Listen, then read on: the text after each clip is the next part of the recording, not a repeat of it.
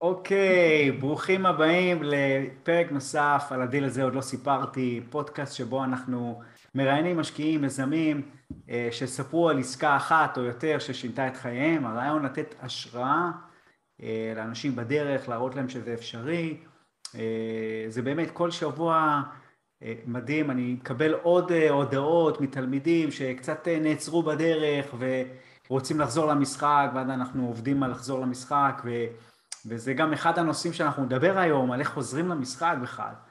אה, אז זו המטרה של הפודקאסט. אה, אם אתם אה, מאזינים על זה ב, ב, בהקלטה או אתם בלייב, קודם כל רציתי גם להגיד שיש לנו מחזור חדש שנפתח ממש בקרוב, אז מוזמנים ככה לפנות למשרד ונעזור לכם. אמ, ויאללה, בוא נתחיל אה, ישר נצלל לפודקאסט. אביגדור, בוא, תספר קצת אה, רקע קטן, לא רקע, קצת אה, מי אתה, בין כמה אתה, מצב משפחתי, כמה נכסים עשית, תן איזה כזה הצגה ואז נלך אחורה. אוקיי, סבבה. אז קודם כל, אני בן 47, נשוי פלוס שלושה ילדים, יש לי בן, אה, בן 17, עידו, שקד בת 14, הדר בת 10 עוד מעט. הגדולים. אשתי רביד, כן, נשואים כבר עוד מעט, אוטוטו 20 שנה. וואי. עברנו דרך. אה, אז, אז ככה, מבחינת... האמת היא שאני התחלתי בכלל, נדל"ן זה דבר חדש יחסית. זה התחיל רק אבל לפני שאתה מספר לי, התחיל, בוא תן רגע איזה, תן לאנשים כזה מצב כרגע, כמה נכסים כרגע אתה בעלים? מצב כרגע, אז ככה, כיום, כיום אני בעצם אה, מבחינת אה, נכסים, אה, יש לי עוד שותף אמריקאי, אנחנו בעלים של 20, בערך 20 נכסים, mm-hmm. כאשר לרובם כבר עשינו תהליך של refinance, זה אומר בעצם cash out, חלק refinance, חלק cash out, הוצאנו כבר את הכסף החוצה, קנינו, השבחנו, וכיום אה, רוב הנכסים הם אה, כבר מושכרים. כל הזמן יש נכסים חדשים, מדי חודש אנחנו מגדילים את הפורטפוליו, גם בתקופה כזאת, פשוט אנחנו מוכרים את הנכסים קצת בצורה שונה. כל, כל, נכס וה, כל נכס והפרמטרים שלו.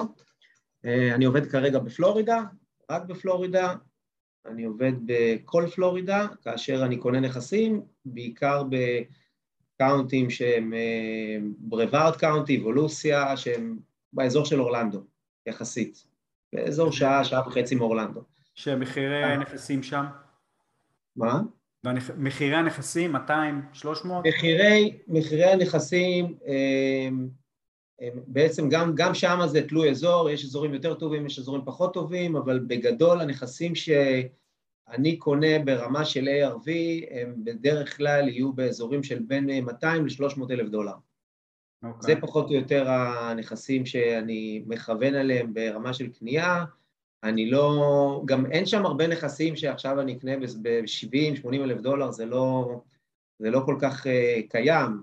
Uh, מבחינת מחיר קנייה, כן, uh, אני כן uh, קונה נכסים במחירים האלה, אבל... Uh, מבחינת השווי שלהם, ה-ARV הוא הרבה הרבה יותר גבוה.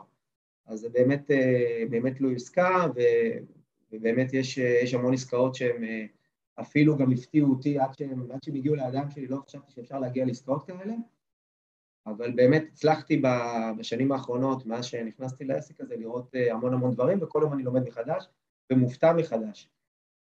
לפעמים לטובה, לפעמים גם לפעמים גם לרע, אבל זה רק עניין של למידה, אין פה עניין של להיות מופתע לרע או לטובה, זה פשוט לימוד, אה, כל הזמן לומדים, כל הזמן לומדים, מכל עסקה יש תמיד איזה מין טוויק כזה שלפעמים בעסקה אחרת לא היה, אה, כל עסקה היא שונה, כל מוכר הוא שונה, גם אני עובד עם מוכרים, גם אני עובד עם קונים. אתה, ישיר, אתה עובד ישירות מול מוכרים, אתה מייצר את העסקאות ישירות. עובד ישירות מול מוכרים, 90 אחוז, מה, 90 אחוז מהעסקאות שלי, אני עובד ישירות עם מוכרים, אני לא פוסל עסקאות גם, אה, גם בהולסלרים, אני לא פוסל עסקאות שהן גם על השוק, אבל אני לא מתמקד בזה, אני לא נותן, אני לא משקיע בזה יותר מדי משאבים. זה, אם זה מגיע לי דרך אה, כבר גורמים שכבר מכירים אותי ואני עובד איתם, שולחים לי עסקאות, אם אני חושב שהיא עסקה טובה, אני, אני לא משקיע בזה כרגע יותר מדי זמן, כי, כי לרוב זה לא עובד לי. אז לכן אני משקיע במה שכן עובד, מה שאני, מה שאני יודע לעשות הכי טוב, ובזה אני מתמקצע. אי אפשר להתפזר על כל, ה, על כל, ה, על כל הדברים. ברגע שמתפזרים יותר מדי, תפסת מרובה לא תפסת, קשה מאוד, קשה מאוד להצליח. Okay. אוקיי. אז מתוקף הניסיון אני כבר יודע איפה, יודע לעשות את הסינונים הנדרשים. אוקיי. Okay. זה פחות או יותר מהבחינה של... כמה דברים, כמה דברים שאני רוצה לחדד, רק כי זה, אני שומע את המספר, כן? בטח אנשים אולי, חלק קלטו, חלק לא, אבל 20 נכסים שכל אחד שווה בערך 20, 200 אלף, 300 אלף דולר, זה וואחד שווי אה, של נכסים, כשאתה כמעט בלי הון בפנים. זאת אומרת שיום מן הימים אתה גומר את המשכנתה, אתה יכול לגמור את המשכנתה, אתה בעצם עם אה, וואחד שווי. נכון, האמת היא ש, שהחוכמה היא בעצם, אה, יש, תמיד יש עסקאות שהן יותר טובות ופחות טובות, אבל בסופו של יום כל אחד צריך ללכת עם איזה שהם אה, פרמטרים מסוים, מסוימים שעל פיהם הוא קונה, מחליט לקנות עסקאות. אני בדרך כלל, אני קונה על פי פרמטרים, אה, אני מכוון אה, אה, לסדר גודל של תשואות של בין 8 ל-10 אחוז, כאשר 8 אחוז, כשאני מדבר 8-10 אחוז זה תשואות אחרי כל ההוצאות, נטו, תשואה שמרנית, לא... על לא, הקש? לא על הקש או על... לא, לא, לא על הקש, מה פתאום, הקש כרגע זה... הקש, כן, על הקש כלל אני מגיע... כבר בתשואות דו-ספרתיות. כן, אה, ברגע שאני, ברור, ברגע שאני, ברגע שאני מסתכל על עסקה קודם כל, אני, אני בוחן אותה מכל מיני זוויות. אם זה באזורים שאני רוכש, אני נותן עדיפות לרכישה. קודם כל אני נותן עדיפות לרכישה, אם זה עומד בפרמטרים שלי, המטרה שלי זה לקנות את הנכס, להשביח אותו, ואז uh, בעצם להחזיר את הכסף הביתה, uh, בתהליך שקוראים לו uh, או cash out או refinance, זו שאלה איך קניתי. אם אני קונה את זה עם מימון, למי שאין כסף כמעט בכלל, אז או שהוא יכול לעבוד עם משקיע שבעצם עוזר לו לקנות את הנכס, או שהוא עובד עם hard money lender, ובעצם הוא מממן לו את העסקה לטווח קצר, ברגע שהוא משביח את העסקה, אז הוא הולך, בדרך כלל זה צריך לחכות חצי שנה, אה, יש תקופת seasoning, פעם היה אפשר גם קצת פחות, היום קצת יותר קשה, אה, בדרך כלל אה, חצי שנה היום אין בעיה, אחרי חצי שנה אפשר בעצם ללכת ל lender ועושים הערכת שווי לנכס ואז בדרך כלל נותנים 70 אחוז מערך הנכס, אפשר לקבל את הכסף בחזרה. אם זה משקיע זר, אז זה יכול להיות גם קצת פחות, תלוי ברקורד, תלוי בניסיון, אבל בין 60 ל-70, בואו נשים את זה בטווח של בין 60 ל-70, כך שככל שהעסקה יותר טובה, ככל שקניתי יותר, אה, אה, את הנכס במחיר יותר זול, אז הסיכוי שאני אחזיר את כל הכסף הביתה יותר גבוה. אה, בסופו של יום, אם אני מחזיר את כל הכסף, אז התשואה היא אינסופית, כי החזרתי את כל הכסף הביתה ועדיין אני עם קשפלו חיובי. זאת אומרת שבסופו של יום, ברגע שקניתי את הנכס, אמ, שמתי את כל המספרים באקסל עם סטיות מסוימות, אז אני אוהב להיות בקש און קש, אם במידה ואני לא מחזיר את כל הכסף הביתה, אני, אני אוהב להיות בקש און קש של לפחות 30 אחוז. אמ, מבחינתי 30 אחוז זה יחסית מספר אה, שמרני, זאת אומרת אני, אני מעדיף להיות ביותר, אבל מבחינתי 30 אחוז, אה, אני משתדל לא לרדת מזה. אה, עד היום ברוב המקרים אני אה, הייתי ביותר מזה וגם היו לא מעט מקרים שהחזרתי את כל הכסף הביתה וגם היו מקרים שגם החזרתי יותר ממה שבעצם השקעתי. בערך עוד החזרתי 20, 30 אלף, בוא נגיד 30 אולי זה הרבה, אבל בין 10 ל-20 אלף דולר אחרי, אה, אחרי כל התהליך, שזה בעצם, זה בעצם נותן חותמת לעסקה מצוינת ברגע שמחזירים את כל הכסף הביתה, אז, פלוס רווח. פלוס רווח, ו, ועוד הדובדבן, שמה שגם אנשים לא תמיד לוקחים בחשבון בכל התהליכים, שזה משהו שאני בשוטף גם תמיד אה, לוקח בחשבון, זה שברגע שלקחת, עשית עסקה והחזרת עודף של כסף, אתה, הכסף הזה בעצם, אתה לא משלם עליו מס. אתה לא משלם עליו מס. וברגע שאתה עובד בווליומים גבוהים, גם בעסקה שנראית באמת עסקה מאוד מאוד טובה, עם 50 אלף דולר רווח, אפילו בלי לעשות כלום, זאת אומרת, בלי לקנות אפילו את הנכס, שזה בעצם עיקר הביזנס שלי, לא דיברנו על זה, אבל באולסל לצורך העניין. אני עוד רוצה לחזור אחורה, כן? אבל... נגיע לזה, כן. אז, אז בדיוק, אז ככה עשינו מן הקדמה שקצת הרחבתי, אז, אה, אז במקרה, אה, אז, אז בכלל שבמקרה כזה, אם אני, אם אני עכשיו צריך להחליט אם אני רוצה לעשות רווח מהיר או להחזיק את הנכס, אז אה, בעצם אני מחליט להחזיק את הנכס כי הכסף בסופו של יום אני אשלם עליו גם לא מעט מס ואני לא אשאר עם משהו קונקרטי ביד.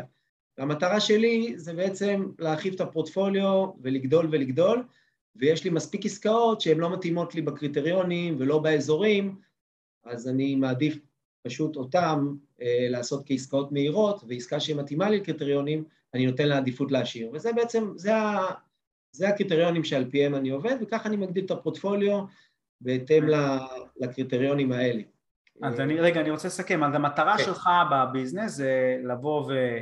אה, ישירות למוכרים כדי באמת לייצר את העסקאות היותר טובות, להגיע למצב שאתה מגדיל את הפורטפוליו שלך על ידי קנייה, שיפוץ, השכרה, refinance, מבחינתך אם הצלחת להחזיר את כל ההון זה טוב, אם הצלחת להחזיר את כל ההון פלוס רווח, זאת אומרת אם נגיד שמת 60 והצלחת להביא 70, בעצם הבנק עושה לך refinance ומביא לך 70, אז אתה יש לך 10 אלף דולר שאין עליו מס, כי הוא בעצם זה ה...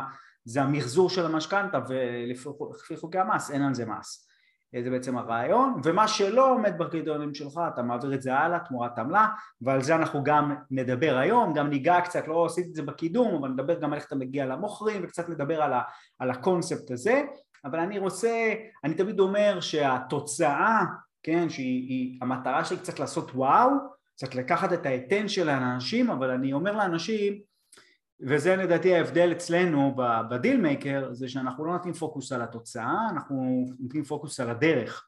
ולדרך יש המון המון משמעות אה, ובגלל זה אנחנו עושים, אה, יש קהילה ואנשים עוזרים אחד לשני כי בסוף זה לדעתי זה מה שחשוב. אז, אה, אבל, אז בואו נדבר קצת על הדרך כי פה ההשראה, פה הניואנסים הקטנים, פה איך, איך התמודדת עם בעיות, פה, פה הדברים שאנשים בעצם לוקחים גם השראה ומצליחים להתקדם אז בואו נחזור רגע לשנת 2015 זה היה? מתי היינו?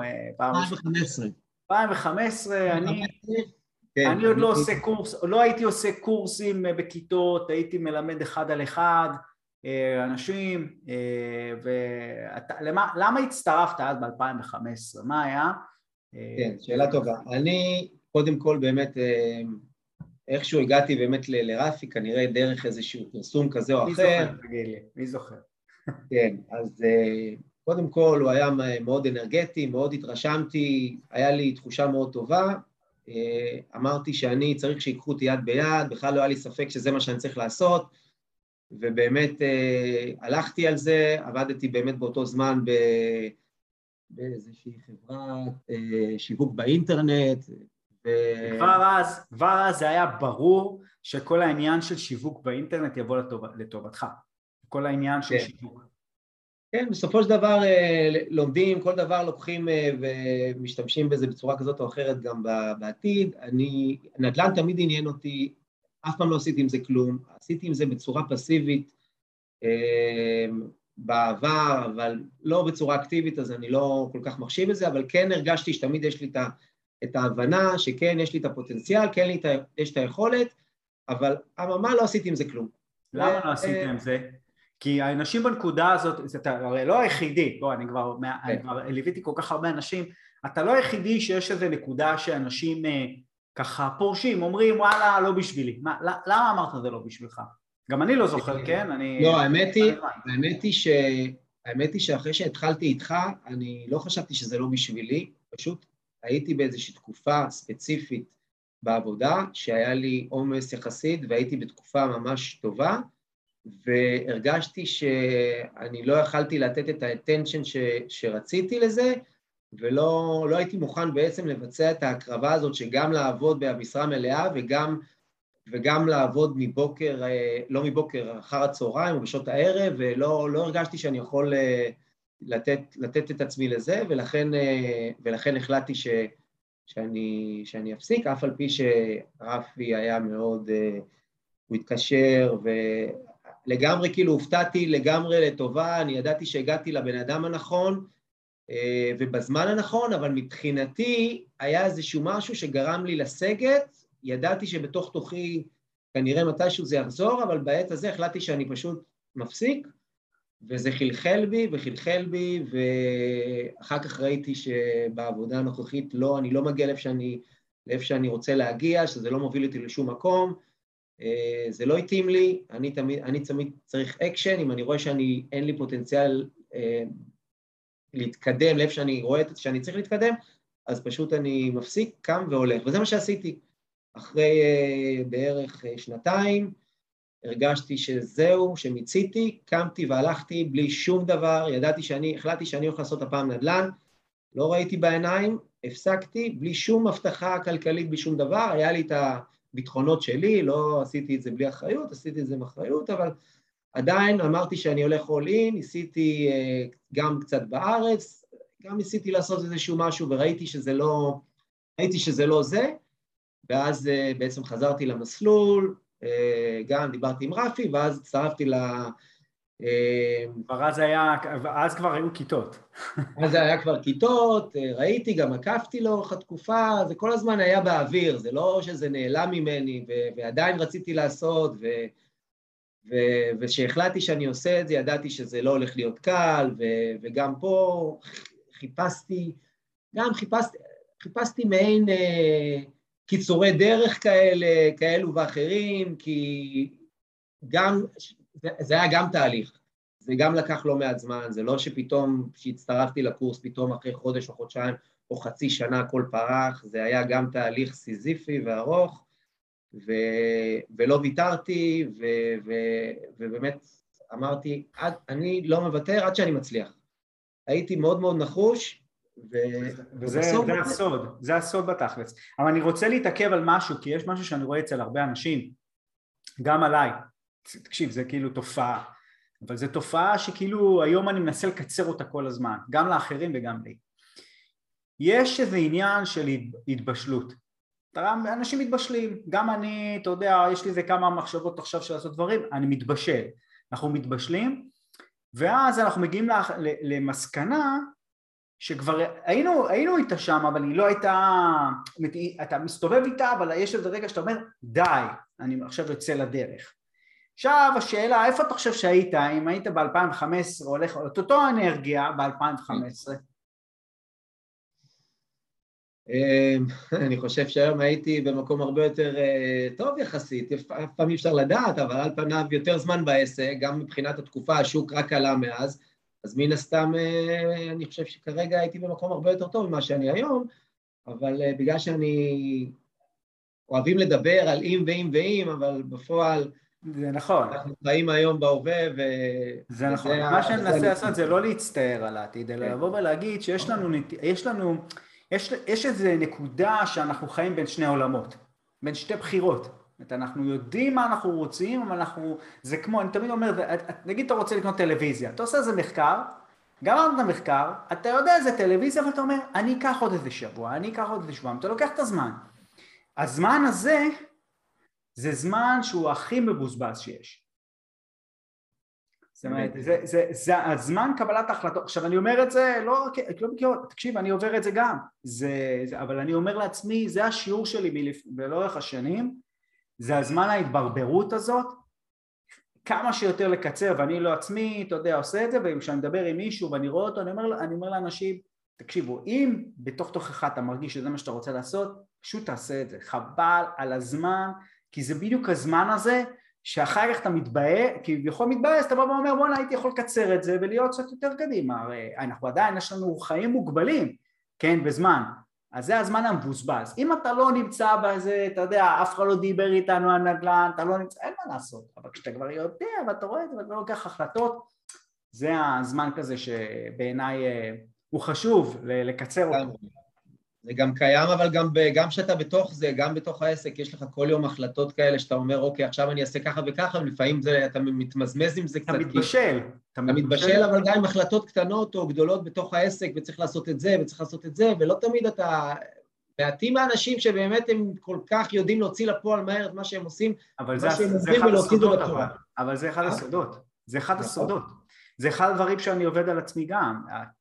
כל הזמן, זה עבודה בלתי, זה עבודה מתמדת על עצמך כל הזמן, וזה מה שיפה בביזנס הזה, ולכן אני כל כך אוהב אותו, ולכן אני נכנסתי אליו, כי בסופו של יום הכל תלוי בעצמי, אני לא תלוי באף אחד. אם אני אעשה, אני אצליח, אם אני לא אעשה, אני פחות אצליח, וזה מה שגורם לי כל הזמן, אה, כל הזמן גם אה, לדרייב, גם להניע את עצמי וגם אה, לשאוף, להציב מטרות ולשאוף בעצם להתקדם וללמוד דברים חדשים, ו... וזה מה שבאמת אה, יפה בעסק הזה. אתה לא יכול לבוא לאף אחד ב... כי זה שלך, אתה קונה משהו שלך, זה ה... בדיוק, אתה לא יכול להאשים אף אחד. אתה לא עושה, זה לא יקרה, אתה תעשה, זה יקרה. נכון, אחד יצליח יותר, אחד יקנה יותר, אחד יקנה קצת פחות, הכל יחסית, זה לא משנה. זה לא מעניין אבל. לא מעניין, בדיוק. לא...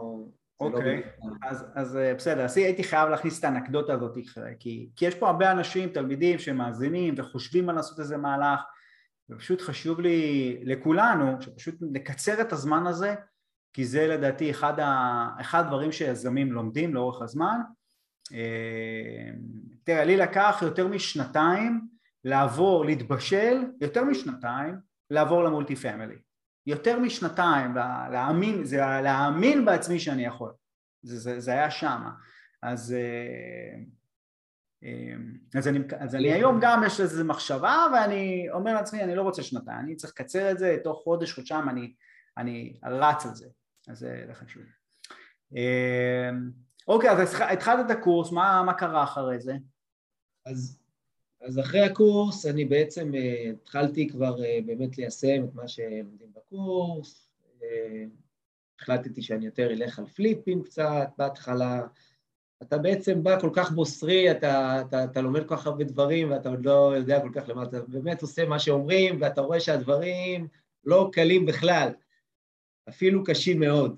אה, ואתה עושה ואתה עושה וזה לא, וזה לא מגיע, וזה כמעט, ועד שמגיע עסקה, והתחברתי גם לאיזשהו שותפות מסוימת שניסיתי ככה גם אה, קצת אה, להיכנס לאיזה תוך פעילות ש, שגם יוכל יותר לעזור לי, ו...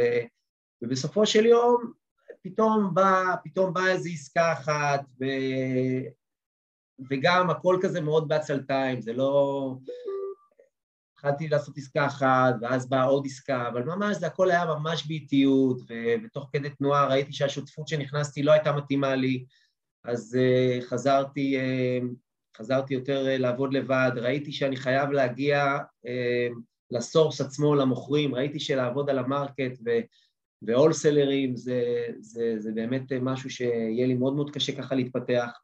התחלתי, התחלתי לשמוע גם על כל מיני אה, אנשים בתחום, איך משיגים עסקאות, עשיתי איזשהו קורס קצר, התחלתי לעשות את זה, התחלתי ליישם את הדברים, וגם לא קרה שום דבר. הכל גם היה קשה, עד שפתאום באה איזו עסקה, ו, ו, וקפצתי למים לבד בעסקה מאוד מורכבת, האמת היא, ש, שבסופו של יום היא הצלחתי, הייתי צריך לקנות אותה בסוף, ובסוף מכרתי אותה אחרי עשרים יום, המטרה הייתה בכלל לא לקנות אותה, אבל... אה, לא, לא, אבל אתה לא סיפרת לנו פה כלום, אתה יודע, זה אביגדור, נכון? ברחת לנו, אבל אני לא אתן לך לברוח. בוא רגע, כן. לא, כי אתה אומר, זה דווקא הסיפורים שהכי מעניינים. מה כן. היה בעסקה הזאת? מה, אז זהו, אז העסקה, ניקח רגע, זו עסקה שבעצם, אה, זו עסקה שהבאת, הגעתי אליה, האמת היא, דרך, אה, אפילו הגעתי אליה במקרה ב market. כמה שניסיתי off market, במקרה, אה, מכל מיני קשרים שיצרתי ודיברתי, וכל מיני, יצרתי ודיברתי עם סוכנים גם, אה, בין היתר, וניסיתי גם להשיג כל מיני boots on the ground, שהיה לי כל מיני עסקאות והייתי צריך לשלוח אנשים בשביל לראות את העסקאות, אז העסקאות לא צרכו, אז יצרתי קשרים. ופתאום באה לי איזו עסקה שראיתי שיש בה פוטנציאל, והיא הייתה לפני foreclosure, foreclosure זה עיקול, למי שלא, יש פה גם חבר'ה חדשים, אני יודע שאתם כותבים שאלות, תרשמו כן. שאלות, מי שלא מכיר איזה משהו, תרשמו שאלות, אני אתייחס, אז אה, כן, אז... אה, העסקה הייתה בדיוק, אה, העסקה הייתה לפני, גם לפני עיכול, וגם היה שם כל מיני לינים כאלה, לינים, ש... זה, לינים זה שיעבודים.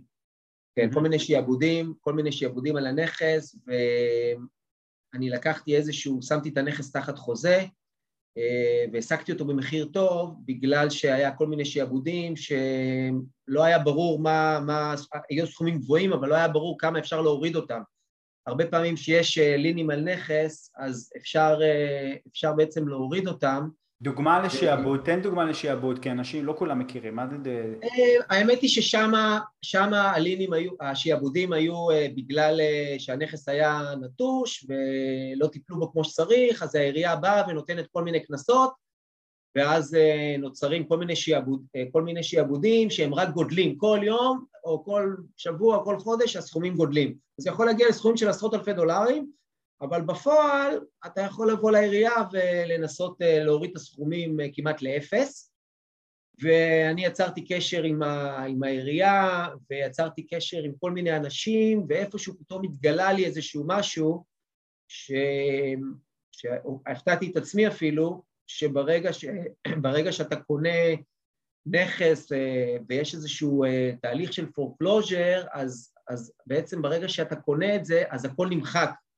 הכל נמחק, ואני יצרתי קשר עם העירייה ונתנו לי אישור במייל שבעצם ברגע שאני אקנה את זה, כל השעבודים יימחקו, ובעצם אז העסקה נעשתה הרבה יותר טובה, כי מסיכון של 30, 40, 50 אלף דולר, פתאום ידעתי שאני מוחק את כל הדברים האלה, והיה לי אישור על זה במייל.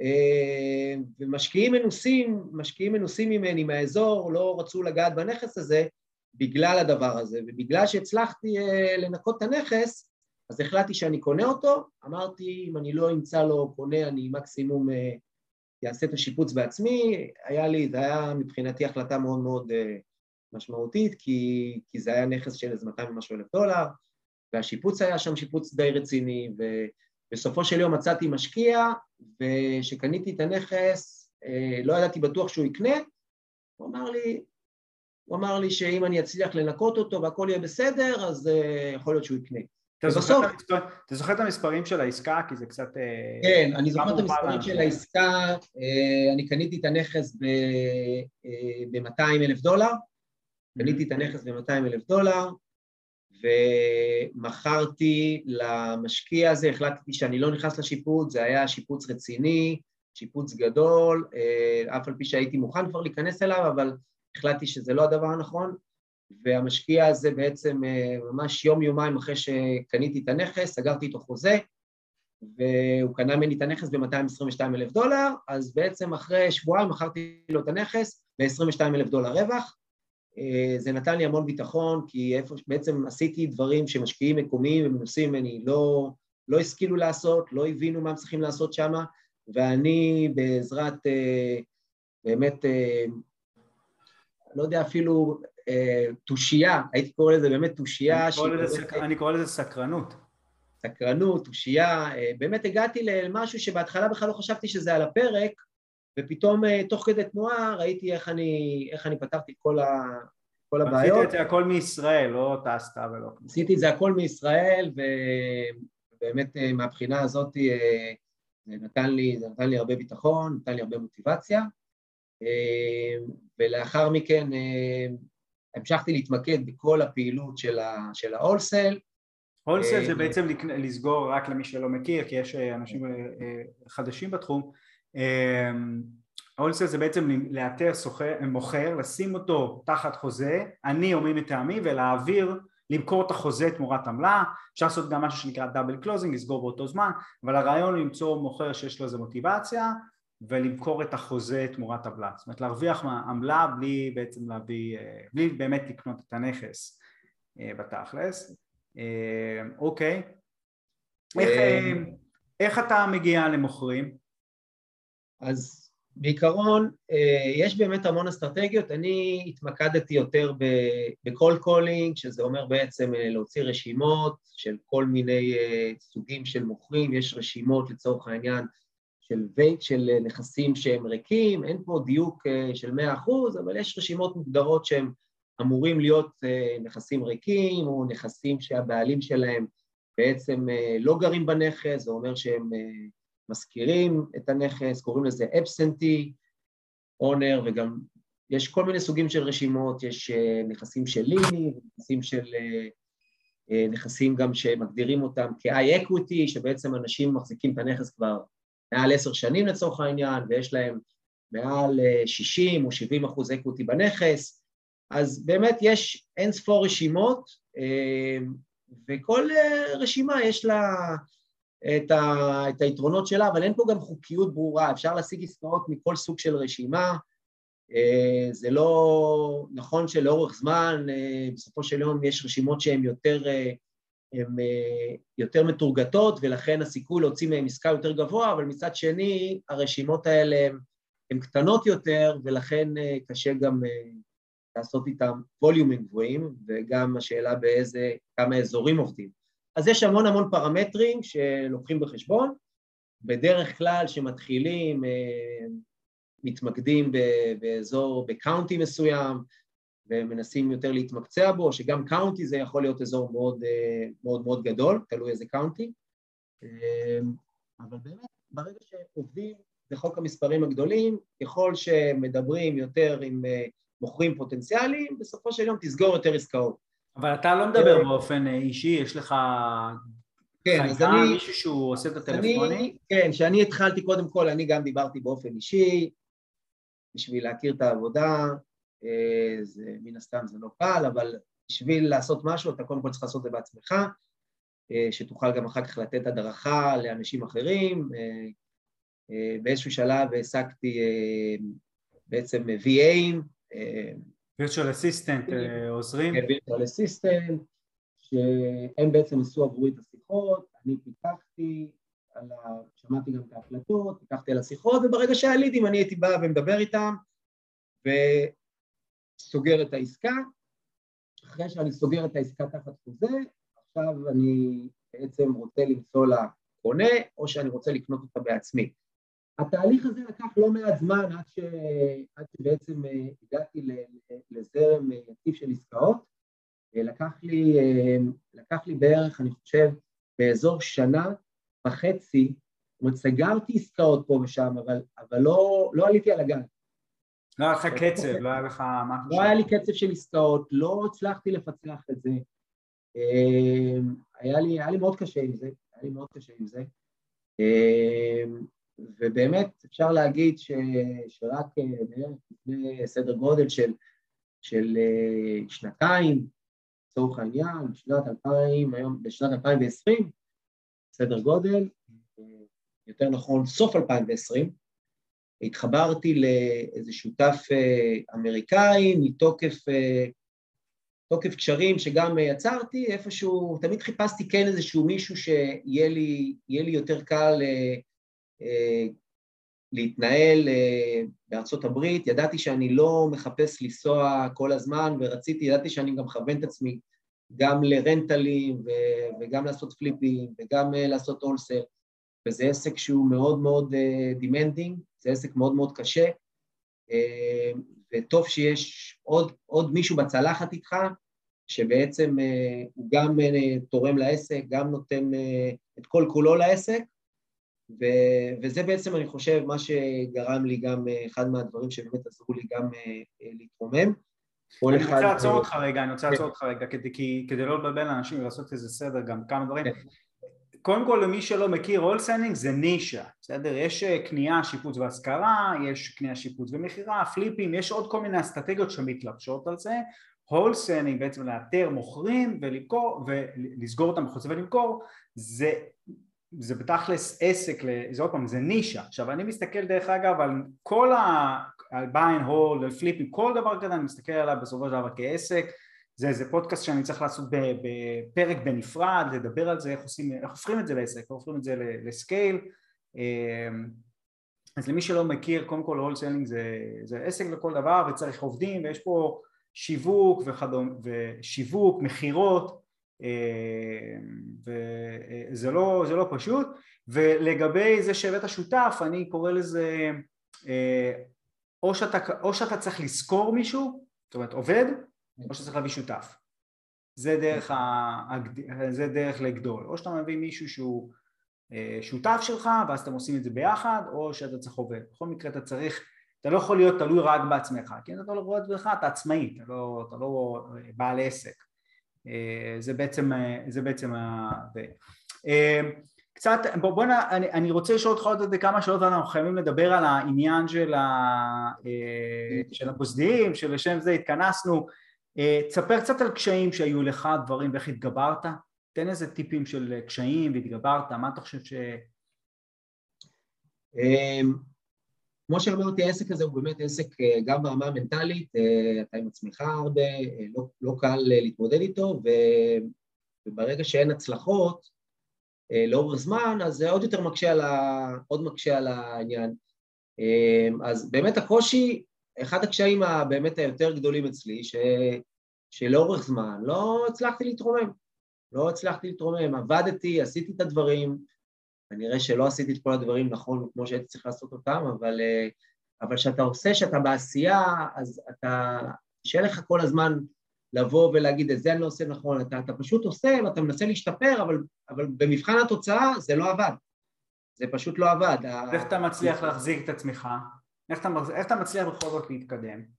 כי אני בטוח אה, שיש אנשים שנמצאים בתחילת הדרך, באמצע הדרך, הם נמצאים כל הזמן בתהליך הזה. איך אתה דוחף את עצמך? אז אני חושב שקודם כל, אה, גם בהסתכלות אחורה, אה, מאוד מאוד חשוב, מאוד מאוד חשוב שיהיה איזשהו מנטור, מנטור טוב, שבאמת יעזור, דברים ש, שבעצם אני עברתי, הוא כבר, הוא כבר בעצם עבר כמה שלבים קדימה, הוא יודע בדיוק לאיפה לכוון, הוא מקצר את הדרך, אני חושב שללא ספק אה, אה, תוכנית מנטורים טובה, או מנטור, או זה לא רק סביבה תומכת, סביבה תומכת זה בסדר, זה חשוב, אה, אבל זה לא מה שבעצם גורם לך באמת לבוא ולתת את, ה, את, ה, את הקפיצה. זאת אומרת, זה לא...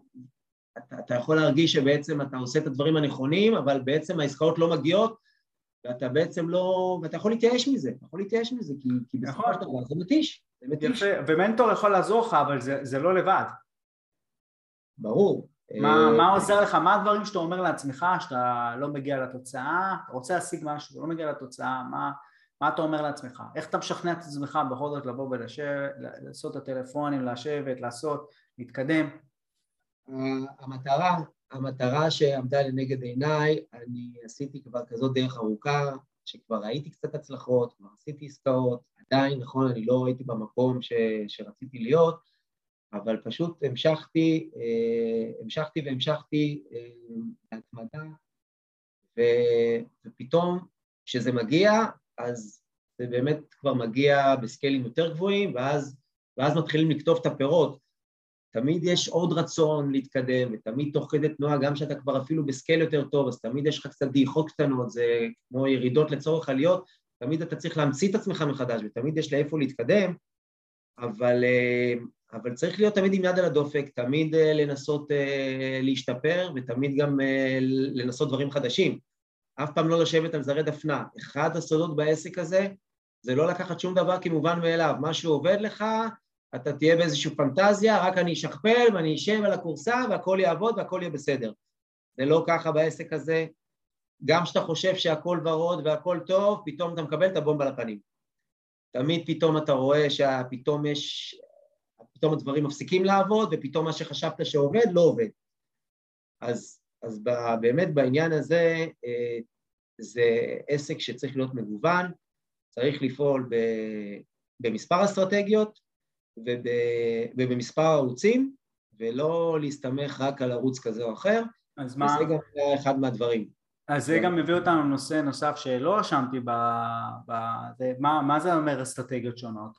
אתה יש לך השקפת עולם אחרת טיפה על, על דילים, שלדעתי זה השקפה נכונה, אמ, לכל, אני אומר לכל דיל יש לו אסטרטגיה, זאת אומרת כל נכס יש יכול להיות לו אסטרטגיה, או לא כל אחד, אבל אתה יכול להלביש על עסקה מסוימת, על נכס מסוים אסטרטגיה אחת, נכס אחר אסטרטגיה אחרת. מה, איך אתה, איך אתה עושה, איך אתה מסתכל על זה, איך אתה עושה את זה?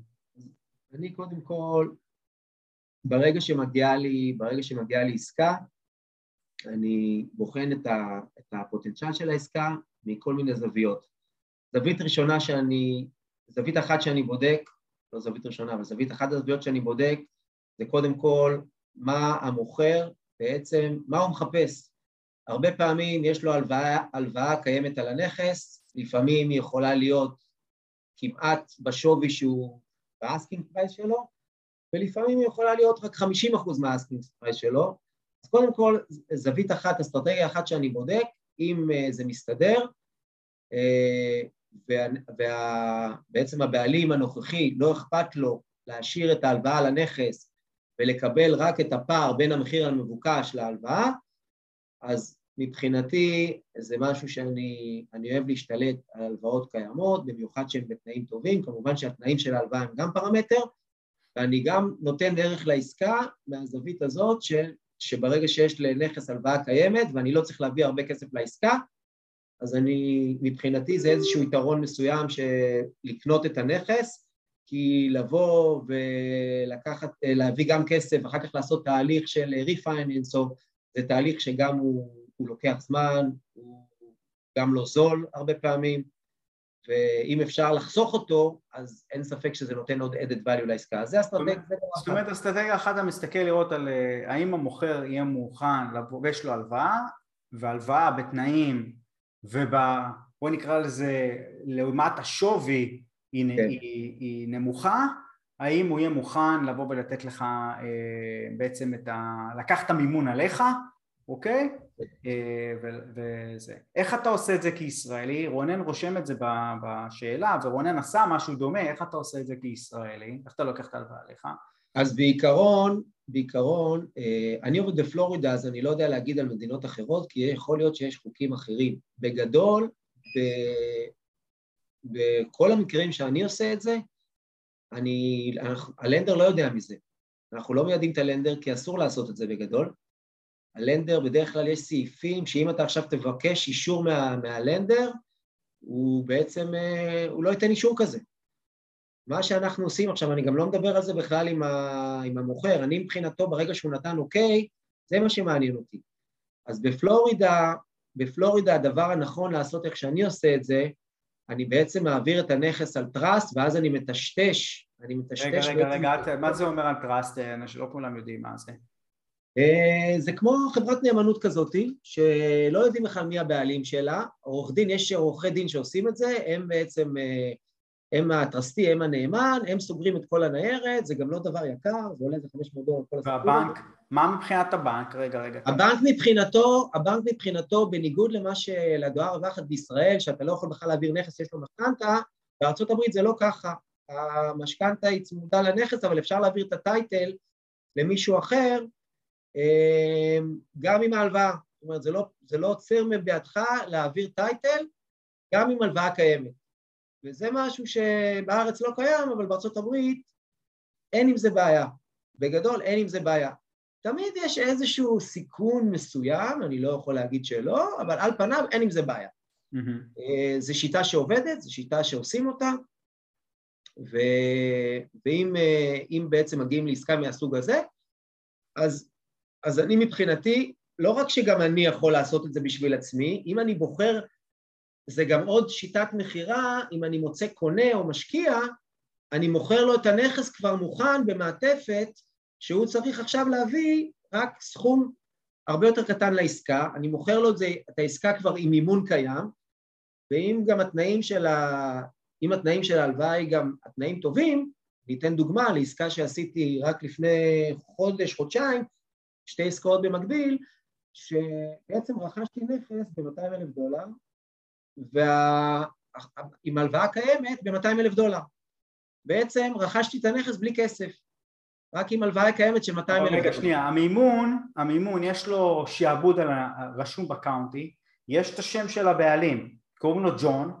נכון. אתה מעביר, אוקיי, ג'ון בעצמו עושה העברה של הבעלות לחברה שנקראת ראסט. כן. נכון?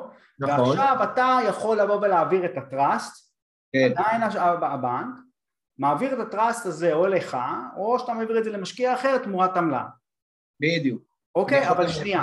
איך בעצם דואגים לשלם את המשכנתה? אוקיי, אז מה שקורה, אני בעצם, בעל המשכנתה, המוכר המקורי, הוא בעצם, בשביל זה הרבה גם לא מוכנים לעשות את זה, המשכנתה נשארת על השם שלו. זאת אומרת שאם יש דיפולט במשכנתה, המוכר המקורי הוא זה שנדפק מזה, בעצם. יפה, אז למה שהוא יסכים? איך אתה מצליח לשכנע אותו שיסכים? כי קודם כל, קודם כל, אה, לפעמים המוכרים, המוכרים האלה נמצאים בסיטואציות שהם רק רוצים להיפטר מהנכס שלהם, והם לא, הם לא כל כך מודעים, ל, הם לא כל כך מודעים לסיכון. של זה ולסיכונים של זה, וגם לפעמים אתה גם נותן להם כסף, מה שאני עשיתי זה עסקה שהיא באמת נדירה, שלא קורית בדרך כלל, אבל בדרך כלל הם יקבלו עוד איזשהו סכום נוסף, אז גם במכלול השיקולים שלהם הם אומרים, נכון שאם הוא לא ישלם את המשכנתה אני אדפק, אבל מצד שני אני כבר קיבלתי אולי איזה 20-30 אלף דולר, ואם הוא לא ישלם את המשכנתה אז הלך לו 20-30 אלף דולר. אז, אז זה גם איזשהו שיקול שהוא אומר, זה ווין ווין, כי אני צריך, אה, רוצה למכור את הנכס, אני מבחינתי, אין לי כרגע, אני חייב להיפטר מהנכס, אני חייב את הכסף, והנה הוא בא ונתן לי פתרון, לי סכום אה, שאולי לא הייתי מקבל במקום אחר. אוקיי, בסדר. סיטואציות, אה, להגיד לך כרגע שמי שמחליט ההחלטות... אביגדור, אם אתה יכול להיות קרוב יותר למחשב, כן. כי זה פתאום נעלם לך, נכון. הכל. כן, כן. הכל טוב. אז מעולה.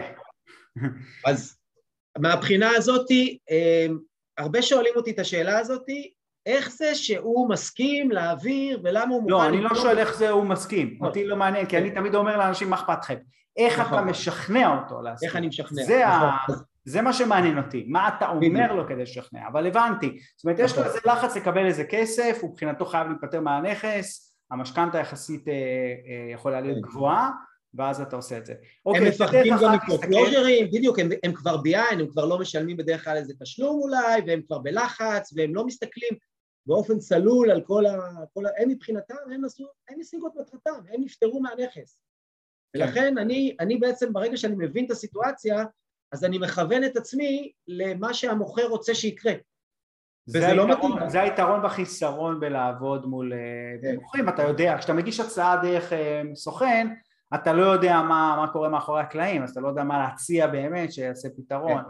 כשאתה עובד ישירות מול מוכרים זה. איזה כן. עוד הסתכלות אתה מסתכל? איזה עוד דברים אתה עושה? אז אוקיי, אז זה, אז זה דבר אחד. אה, מבחינת, מבחינת, מבחינת הערך של הנכס, כמובן ש... מבחינת השווי של הנכס, זה כמובן, אני תמיד מסתכל על המספרים של הנכס, ואני מסתכל גם על, ה, על, ה, על האסטרטגיה, זאת אומרת, ברגע שיש לי עסקה, יש עסקאות, יש עסקאות שהן במחיר ממש ממש נמוך, ואין בכלל, זה לא משנה מה אני אעשה עם הנכס, אני אקנה, אני יכול לקנות אותו, להשאיר אותו לרנטל, או לעשות לו פליפ, או להעביר אותו למשקיע. יש נכסים שבאמת המספרים בהם מאוד ברורים, ואין בכלל, מה, מה, מה לשקול. ברגע שאני סוגר אותם תחת חוזה, ברגע שאני סוגר אותם תחת חוזה, אני לא מסתכל רק על המחיר, על המחיר שהנה יש לי פה עסקה ואני יכול לעשות עכשיו אה, אה, איזשהו רווח מסוים, אני תמיד מסתכל איך אני יכול למקסם אותו, איך אני יכול למקסם אותו. ולפי המקסם... אתה בא ובודק בעצם אם אתה יכול לקנות, שפץ, להשכיר, לעשות ריפייננס, מה האסטרטגיות שאתה משתמש? תמנה לי את זה רגע. בדיוק, אז ברגע, שאני, ברגע שיש לי כרגע את העסקה, ברגע שיש לי עכשיו עסקה, אז אני בוחן את, את האופציות שעומדות לפניי. מה האופציות? איזה אופציות אתה בוחן? איזה האופציות? האופציות אחת, אופציה אחת זה למכור את זה למשקיע אחר ב-X רווח. אופציה שנייה זה, כמו שאמרתי, לקנות, להשביח, ואז לעשות ריפייננס, לשמור את זה לרנטל, אם זה עונה על קריטריונים, והאזור. אה, אופציה שלישית זה לקחת אותו לעצמי, לעשות לו פליפ לטווח קצר, אם הוא לא מתאים לי לקריטריונים של ההחזקה לטווח קצר ואני מרגיש שאני יכול למקסם אותו ולהרוויח סכום כסף משמעותי ששווה את הזמן שלי מאשר סתם אה, להפליפ, אה, להפליפ רק את החוזה, לעשות לו הולסל, בלי בכלל לקנות אותו, אז, אז אני בעצם מחליט לפי הרווח הפוטנציאלי. ברגע שהרווח הפוטנציאלי מצדיק את זה, אני, אני בעצם אה, לפעמים גם אעשה לו פליפ. ברגע okay. אוקיי. שהרווח הפוטנציאלי אני אחליט ואני אעשה לו פליפ, אם זה גם באזור שאני כבר בדרך כלל עבדתי בו, אה, יש לי גם מקרים שאין לי בכלל אופציות אה, למצוא לו קונה, לעשות לו wholesale, ואז אם אני מרגיש שהמספרים הם טובים מספיק, אז אני קודם כל קונה אותו, ואז אני שובר. ואז אתה מחליט. אבל אביגדור תתקרב למסך כי אתה פתאום כן. בורח ואז זה... כן, אוקיי. אוקיי. עכשיו בסדר. אז, אז זה כל בעצם, זה כל הפרמטרים שאני בעצם בודק, כל, ה, כל נכס וה, והיתרונות שלו, וגם על פי ה... גם יש שיקולים של, שיקולים של מס, שיקולים של תזרים, שיקולים של okay. אוקיי. מהירות של עסקה, יש באמת הרבה שיקולים, יש עסקאות שאפשר לסיים אותן מאוד מהר ברווח מהיר, ויש עסקאות שהן קצת יותר בעייתיות, ואז אולי שווה לקנות אותן ועדיין לעשות רווח. עכשיו, אני רוצה לגעת בעצם לנושא שבעצם לשם זה התכנסנו, ואיך אני בעצם משלב את זה באסטרטגיה, כי זה בעצם, אה, אני חושב, אה, Game Changer מבחינתי גם. אה, זה פתח לי עוד המון המון אופציות.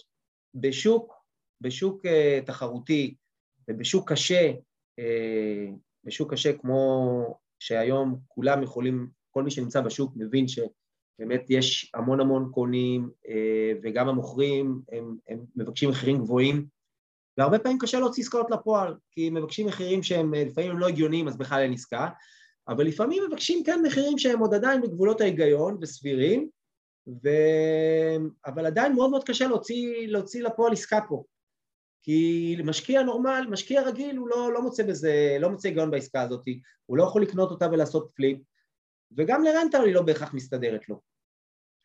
ואני בעצם אה, עבדתי ועשיתי כמה עסקאות, וראיתי שבסופו של יום העסקה הזאת הולכת ל... לכל מיני קרנות כאלה. בדרך כלל הקרנות האלה יש להן כל מיני שמות כאלה, כל מיני אותיות כאלה, שאתה אתה גם רואה בסופו של יום, אה, אתה גם רואה בסופו של דבר מי קנה את הנכס, אז אי אפשר להסתיר את זה ממך. אה, אז החלטתי שבעצם אני חייב לתת מיקוד בעניין הזה של, ה, של כל הקרנות הגדולות האלה, גופים מוסדיים, איך שנקרא להם, שהם בעצם קונים אה, מאות נכסים בחודש, וקונים אותם באזורים, אה, באזורים ספציפיים ברחבי ארצות הברית. האם הם קונים ב market value, קונים מעל market value, מה הקריטריונים שלהם? יש כל מיני סוגים, יש כל מיני סוגים של, אה, של קרנות. כמובן, יש קרנות ש, שקונות ב market value, ואפילו בניתוחים כאלו ואחרים שיצא לי, אפילו מעל ה market לדעתי.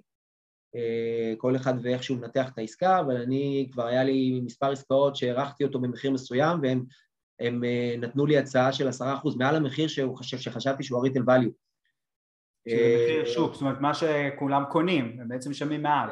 אה, אז, אז בעצם יש להם, כל, לכל קרן יש את הקריטריונים שלה, הם בדרך כלל אוהבים לקנות באזורים שהם אזורים יחסית טובים, בי ומעלה, הייתי שם אותם גם בטווחי מחירים של אה, איפשהו בין, אה, בין 200 ל-400, זה, זה, זה הטווחים שהם אה, אוהבים, פחות או יותר.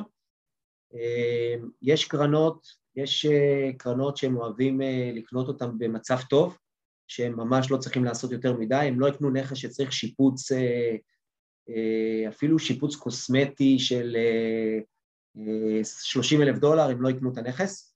הם מתאים להם נכס יפה, נכס שאולי במקרה הטוב הם צריכים לעשות לו צבע, או במקרה הרע... הבנייה, יש להם חשיבות לשנת הבנייה. כן, יש, יש קרנות שהם קונים, אה, למשל שאני עובד ב-1990 ומעלה, אבל יש לי קרן שהיא לצורך העניין עובדת מאוד, אה, יש לה גמישות, אה, היא גם קונה מ-1950 ומעלה, והיא קונה בדרך כלל נכסים שהם באזור 1,000-1,100 square feet, עם אה, מינימום אה, שלושה חדרים ושתי אמבטיות, 3-2, אה, וגם לא קונים עם foundation issues, אבל הם כן קונים, הם כן יודעים לקנות נכסים שדורשים שיפוץ, לצורך העניין. היתרון למשל, יש לי קרן שהיתרון איתה, שאני נותן לה נכסים והיא נותנת לי איזשהו מחיר, עוד לפני שבכלל שמתי את הנכס תחת חוזה. יצרתי קשרים מאוד טובים, ואני בעצם נמצא בפוזיציה והם לא, לא לוקחים, אה, אני לא פוחד שהם ייקחו לי כרגע את הנכס, זה לא, בכלל לא מעניין אותם, לא עובדים בצורה כזאת, הם נותנים לי בעצם מחיר אה, על הנכס לפני שבכלל שמתי אותו תחת חוזה, ואז בכלל יש לי את ה... יש לי כיוון כמה, מה הכיוון שלי, איך אני עובד על הנכס מול המוכר. אני כבר יודע שיש לי מחיר, ומהניסיון אני גם פחות או יותר יכול להעריך כמה הם יציעו לי אחרי האינספקשן. תן לי, תן לי מספרים, תן לי דוגמה על המספרים שיצא לך מעסקה. אוקיי, okay. לצורך העניין, לצורך העניין באתי לאיזושהי עסקה, אה, ואני גם כל פעם לומד איך, אה, איך לשכלל את, ה, את העבודה איתם. דיברתי עם איזשהו בוחר, שהוא בעצם היה צריך לעבור, לעבור, הוא קנה בית והיה צריך לעבור תוך חודש, חודש וחצי, והוא רצה למכור את הנכס. והוא רצה לסגור על הנכס עוד שהוא גר בבית. ואני בעצם תפרתי לו את, ה, תפרתי לו את העסקה, הוא, הוא רצה בסביבות 310 אה, אלף דולר, לי היה מחיר מה-Edge Fund ב-330. רגע, דבר איתי, דבר איתי קודם כל, כן. דיברת איתו, אתה מספר לי כן. רגע על העבודה איתו, ככה, תן לנו אוקיי. הצצה. דיברתי, דיברתי, דיברתי עם הבן אדם. איך ידעת שיש לו מוטיבציה? קודם כל, קודם כל הגעתי לבן אדם, ברגע שדיברתי איתו, הוא אמר שיש לו עניין, יש לו עניין למכור, ואז התחלתי, תמיד אני אוהב, אוהב להבין מה הסיבה, מה הסיפור מאחורי, מאחורי העניין, כי הרבה פעמים אנשים סתם, הם סתם, הם משחקים אותה שהם רוצים למכור, אבל הם סתם מבזבזים את הזמן, והם... איך אתה יודע את זה? לא ברור שזה ניסיון וזה, אבל תן לי... ברגע שאני מדבר עם המוכר, שומע שיש לו סיפור, ואני שומע שהוא כבר קנה נכס, וכבר יש לו דדליין, אז, אז פה הסיפור היה מאוד מאוד ברור. לא תמיד הסיפור הוא ברור בשלב הראשוני, לפעמים הוא אומר, אני לא בלחץ, אני לא, אני לא כל כך רוצה למכור, אבל אז פתאום כשאתה מדבר איתו, פתאום כבר, כבר הוא כבר אה, הזכיר בית כבר במקום אחר, או כבר התחייב על בית במקום אחר, אבל הוא לא לחוץ. לא לחוץ, אבל פתאום כשכבר מביאים לו הצעה, פתאום, אה, פתאום הוא מקבל את ההצעה כבר מהר, הוא מדבר איתך... קרוב, אחי, קרוב. אז, אז, אז לכן, כן, אז לכן ברגע שאני מדבר עם המוכר, אני שואל אותו כל מיני שאלות מכוונות, אני שואל אותו בעצם אה, מה, למה הוא בעצם אה, מחפש למכור, ולפי התשובות אני בעצם מבין, אה, מבין גם איפה, איפה הוא רוצה להיות, וגם מה הטיים פריים שלו, מתי הוא מתכנן את המכירה, כל השאלות האלה זה שאלות חשובות, ולפי זה אני תופר את העסקה. פה הבנתי את הנקודה הרגישה, שהוא היה צריך שיהיה לו כסף, איזשהו סכום, לפני שהוא עובר. ומצד שני, הוא גם לא רצה למצוא את עצמו סוגר, אה, מוכר את הבית ולהתחיל לחפש פתרונות אחרים לתקופה של חודש או חודשיים, ו... והוא אהב מאוד את, ה... את הפתרון שנתתי לו, כי הוא ידע שבשוק הוא היה לו קשה למצוא פתרון כזה, עם קונה רגיל, שבעצם מחפש בית, הוא בכלל לא היה, לא היה מגיע איתו בכלל לסיטואציה הזאת. וגם, וגם שדיברתי איתו בצורה מאוד מאוד, אה, מאוד, מאוד, מאוד יפה, ואמרתי לו, המחיר שאני מציע לך זה המחיר שאתה מקבל. איך ידעת כמה להציע לו? כמה הנכס הזה שווה? אנחנו מדברים מספרים, בואו תן לי מספרים. כן, אז, אז מבחינתי, כשאני באתי, ו... כשאני באתי והצעתי לו את המחיר, כבר היה לי איזשהו מחיר מה-Edge Fund, ידעתי כבר כמה הם יכולים להציע לי. אבל איך ידעת? אתה, יש לך ליד, בוא, אני מנסה, לה, אני חייב לשים אותך okay. אוקיי, בסדר כדי שאנשים. ברגע, ש, ברגע שהיה לי ליד, קודם כל, אה, אני גם מכוון את השיווק שלי הרבה פעמים לאזורים שאני יודע שהם קונים ולפי הפרמטרים שאני יודע שהם קונים. זאת אומרת שכל ליד שמגיע לי מהרשימה הזאת, אני יודע שבסבירות מאוד גבוהה זה ליד שיתאים להם. אוקיי, אני מכוון את זה ישירות... בוא נדבר על הליד הזה. כמה... אז על הליד הספציפי הזה, הליד הספציפי הזה, ברגע שדיברתי איתו, דיברתי איתו על המחיר. ראיתי שהמחיר של הנכס, השווי של הנכס הוא באזור 340, 350, ראיתי שזה בערך המחיר של הנכס. וכשהוא דיבר איתי על מחיר, הוא דיבר איתי על אזור 310. עכשיו, בסך הכל, כשהוא אמר 310, הוא גם פחות או יותר ידע מה המחיר של הנכס. הוא, הוא גם הבין שאם הוא שם את הנכס במרקט ב-340 או 350, הוא צריך לשלם עמלות, וצריך לשלם closing cost, ובסופו של דבר, אולי, אולי, אולי, הוא יצא עם 320, אולי, לא בטוח, אולי עם 320 או 315 או משהו כזה. וברגע שאני נתתי לו את כל הפתרונות, וגם לא היה לו את הוודאות לזה, ונתתי לו את הפתרון מאלף עד תו, שהוא לא צריך להתעסק עם אף אחד, עשיתי, אה, פישטתי לו את התהליך, אמרתי לו, אני שולח לך, שולח לך אינספקשן, uh, פעם אחת, ולפי הדוח אנחנו נותנים לך אחרי יום-יומיים החלטה, אנחנו יכולים לסגור תוך 30 יום, uh, אז זה מאוד קסם לו, זה התאים לו הפתרון הזה, התאמתי לו בדיוק את מה שהוא רצה לשמוע. Uh, ברגע שעשיתי את ה... אני תמיד עושה משא ומתן בשתי שלבים. קודם כל אני שם את החוזה תחת, אני שם את הנכס תחת חוזה. כל עוד אני רואה שהנכס בבולפארק שלי, שאני רואה שיש פוטנציאל לעסקה, אני שם אותו תחת חוזה בשביל לא לבזבז לי את הזמן. לפעמים עשיתי משא ומתן עם מישהו, והורדתי את המחיר, ולא הצלחתי להוריד את המחיר, והוא כן חשב ולא חשב, בסוף נעלמה לי העסקה. אמרתי, עכשיו אני פועל הפוך. אני פועל הפוך. אני קודם כל שם את הנכס תחת חוזה. זה מבחינתי, קודם כל, מכשיר לי את המוטיבציה.